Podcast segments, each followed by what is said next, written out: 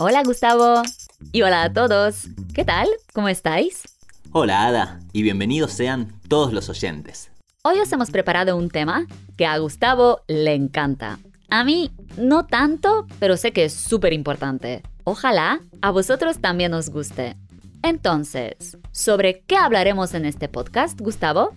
Hoy vamos a hablar sobre los libros. Exactamente, sobre los libros en español. ¿Os gusta leer? ¿Y a ti, Gustavo? ¿Por qué te gusta leer? Mi gusto por la lectura está relacionado con mi gusto por conocer. Siempre me resultó increíble que hubieran personas capaces de hacernos imaginar lo inimaginable, nada más que con palabras. Además, me gusta que los libros no imponen un tiempo, como la radio o la televisión. Uno puede leer a su propio ritmo, porque lo importante es comprender o sentir, y no hacerlo rápido. ¿Y qué libros? ¿Qué tipo de libros lees normalmente? Me van a matar. Yo amo los libros de filosofía. Sí, qué aburrido, ¿no? Pero es lo que me fascina. Sin embargo, la literatura me encanta también. Hay novelas, cuentos y poemas que me han calado hasta los huesos. Y un buen autor para mí es algo así como un amigo. Así que he leído de todo tipo de escritos, distopías sobre el futuro, utopías, novelas de suspenso, de amor, dramas, comedias, ensayos, obras de teatro, que tienen lo suyo, ¿eh? Novelas negras, tragedias y la verdad que de todo un poco. ¿Y a ti, Ada, qué tipo de libros te gusta leer? Pues a mí, como os he dicho al principio de este podcast, no me gusta leer. No sé por qué. Creo que me canso demasiado rápido y gasto mucha energía en concentrarme en la trama. Es muy curioso porque me encanta escuchar, así que disfruto mucho escuchando algunos audiolibros, podcasts. Siempre cuando limpio mi piso, voy en autobús o estoy corriendo en el gimnasio, pongo algo para escuchar y estoy súper contenta y relajada. Y esto es algo que no siento cuando leo. Sin embargo, para aprender bien un idioma, hay que hacer todas estas actividades para desarrollar nuestras capacidades. Es decir, escuchar para entender lo que nos están diciendo, leer para entender el texto leído, escribir y hablar. Vale, vamos entonces a hablar sobre los libros que en nuestra opinión vale la pena leer. ¿Quieres empezar tú, Gustavo? Qué pregunta difícil. Pero como este es un podcast para aprendices de la lengua española, creo que vale la pena empezar recomendando a cuentistas. El cuento permite un acercamiento a una obra completa sin hacer de la lectura en lengua extranjera una tarea titánica. Y además en Argentina tenemos cuentistas de la talla de Cortázar, Abelardo Castillo, Roberto Art o Borges. Hay un cuento, por ejemplo, de Cortázar llamado Carta a una señora en París. Es un cuento en forma epistolar, es decir, estamos leyendo las cartas que un hombre escribe para una mujer que viajó a París dejando su casa cuidado de él. Desde la primera carta algo no cuadra, no cierra y no se entiende, porque este hombre dice que de la nada le salen conejitos de la boca. Sí, así de absurdo e imposible, conejitos.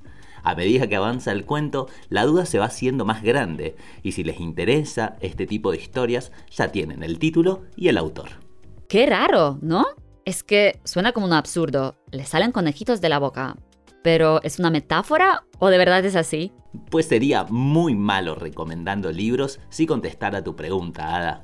Así que no diré nada. Pero si a ustedes también les da curiosidad, ya saben, el cuento es de Julio Cortázar y se llama Carta a una señora en París. ¿Y vos qué tenés para recomendar? ¡Qué malo y listo eres! Pues el primer libro que voy a recomendaros es En los zapatos de Valeria, es la primera obra de Elizabeth Benavent y gracias a ella, la autora se hizo muy famosa. Podría decir que el libro en general trata de amor, pero es mucho más complejo. Como se puede leer en la descripción, Valeria, la protagonista principal, vive el amor de forma sublime. Es escritora de historias de amor. Tiene tres amigas, Nerea, Carmen y Lola, que están siempre al lado suyo apoyándola. Ama a Adrián hasta conocer a otro hombre llamado Víctor, y después de conocerlo, necesita ser sincera consigo misma. No quiero deciros mucho más para no revelar la trama de este libro, pero es genial. Esta obra es ligera y divertida, ideal para una tardecita con cacao o una copa de vino, y gracias a ella podréis conocer un lenguaje moderno. Seguro que hay personas que han visto la serie Valeria, está en Netflix. Sin embargo, el libro es un poquito diferente. Así que seguro que descubriréis cosas que os sorprenderán. Creo que este libro va a gustar más a las mujeres que a los hombres. Por esto no creo que lo hayas leído o visto, Gustavo, pero puede ser que esté equivocada. ¿Sabes qué? Como estabas tan interesada en él, me dio curiosidad y tuve que leer la sinopsis y el primer capítulo. Así que solo sé de qué va la historia y que está escrito en un lenguaje súper actual e informal. Si te gustan las historias de romance, donde los personajes tienen que tomar decisiones que cambiarán completamente su vida y en que la fuerza principal que todo lo vence es el amor, esta historia irá muy bien contigo. Mejor dicho no puede ser. ¡Qué poeta eres, eh! Bueno, el siguiente libro que voy a recomendar es La sombra del viento de Carlos Ruiz Zafón. En esta obra encontraremos todo. Amor, misterio, crimen, amistad y una historia muy interesante de Barcelona. Cuando terminé de leerla, lo primero que quise hacer fue ir a esta ciudad para descubrirla de nuevo. La sombra del viento no es un libro fácil, así que no recomiendo leerlo en la versión original a los niveles bajos. Sin embargo, si tu nivel es intermedio o avanzado y te gustan los libros de intriga y suspenso con un toque de amor, tienes que leerlo. Recuerdo, Gustavo, que una vez te he preguntado por este autor y me dijiste que no sabías quién era. Y te dije que es o era una persona muy famosa en España. Bueno, no solo en España, porque en Polonia también. ¿Has tenido oportunidad de leer algunos de sus libros? Pude leer justamente este libro que nos estás recomendando ahora. No conocía al autor, pero ha sido traducido en muchísimos idiomas y al leerlo te das cuenta por qué. La sombra del viento es parte de una tetralogía, es decir, que es parte de una serie de cuatro libros. En este caso es el primero.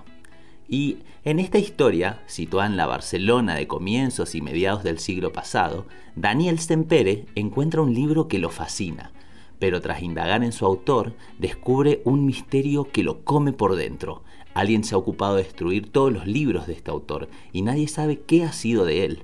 Daniel, un completo amante de los libros, ha jurado defender este ejemplar para siempre, y sin embargo, un personaje oscuro y misterioso comienza a perseguirlo con la intención de destruir el libro, sin importarle si para hacerlo debe destruir al mismísimo Daniel. El libro es genial y tiene un poquito de todo. Para lectores avanzados va a ser una muy grata compañía y por eso yo también lo recomiendo. Daniel se parece mucho a ti, Gustavo. Tú también defenderías este libro, ¿no? No sé si es para tanto, Ada.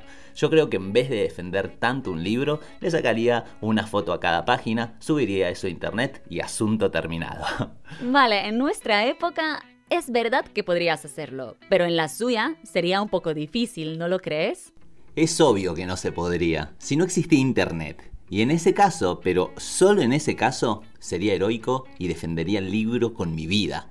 O lo escondería muy bien para no pasar tantos problemas. Bien, antes de hablar sobre otra recomendación... Hola, hola, hola, soy Ada. Y yo soy Gustavo. Y somos profesores de español en la Academia Instahiszpański. Si a ti te gusta escuchar podcasts sobre la cultura de los países hispanohablantes, estás en el lugar perfecto. Gracias a estos episodios vas a desarrollarte un montón. Y si aparte de esto quieres también practicar hablar porque entiendes absolutamente todo, suscríbete a nuestra academia en www.instahiszpański.com. La academia es una fantástica comunidad en donde practicamos nuestro español cada día.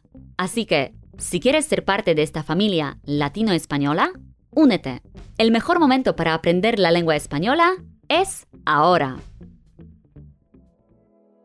La próxima, y por lo tanto última recomendación de hoy, es Como agua para chocolate.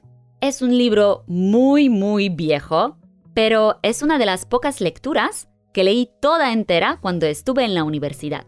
Lo sé, soy la peor porque ¿cómo puede ser que estudié filología española y no me guste leer libros? Bueno, como veis, es posible. Y este libro me pareció interesante. Laura Esquivel nos cuenta de una hermosa historia sobre el amor prohibido, llena de magia, junto a la alquimia de los sabores. Gustavo, ¿puede ser que este libro me guste tanto porque es sobre gastronomía y como yo no sé cocinar bien, me enamoré de ella? No me cabe la menor duda de eso. Antes de vuestras preguntas, ¿dónde podemos conseguir esos libros? Y no solo estos. ¿Tienes alguna plataforma para poder comprarlos o descargarlos? Los autores que recomendé son muy conocidos, entonces van a poder encontrar sus libros en librerías de todo el mundo. Tal vez cueste un poquito más hallar algo de Abelardo Castillo y Roberto Art fuera de Argentina, pero de Borges y Cortázar les aseguro que algo va a haber. Generalmente, cuando descargo libros, utilizo Amazon, que es pago, o Biblioteca Z, que es una página de descarga gratuita en que hay libros en muchísimos idiomas. ¿Y tú qué prefieres, Ada? ¿Libros en papel o libros digitales? Yo últimamente leo en Kindle, porque si lo hago, lo hago durante los viajes, en las vacaciones, etc.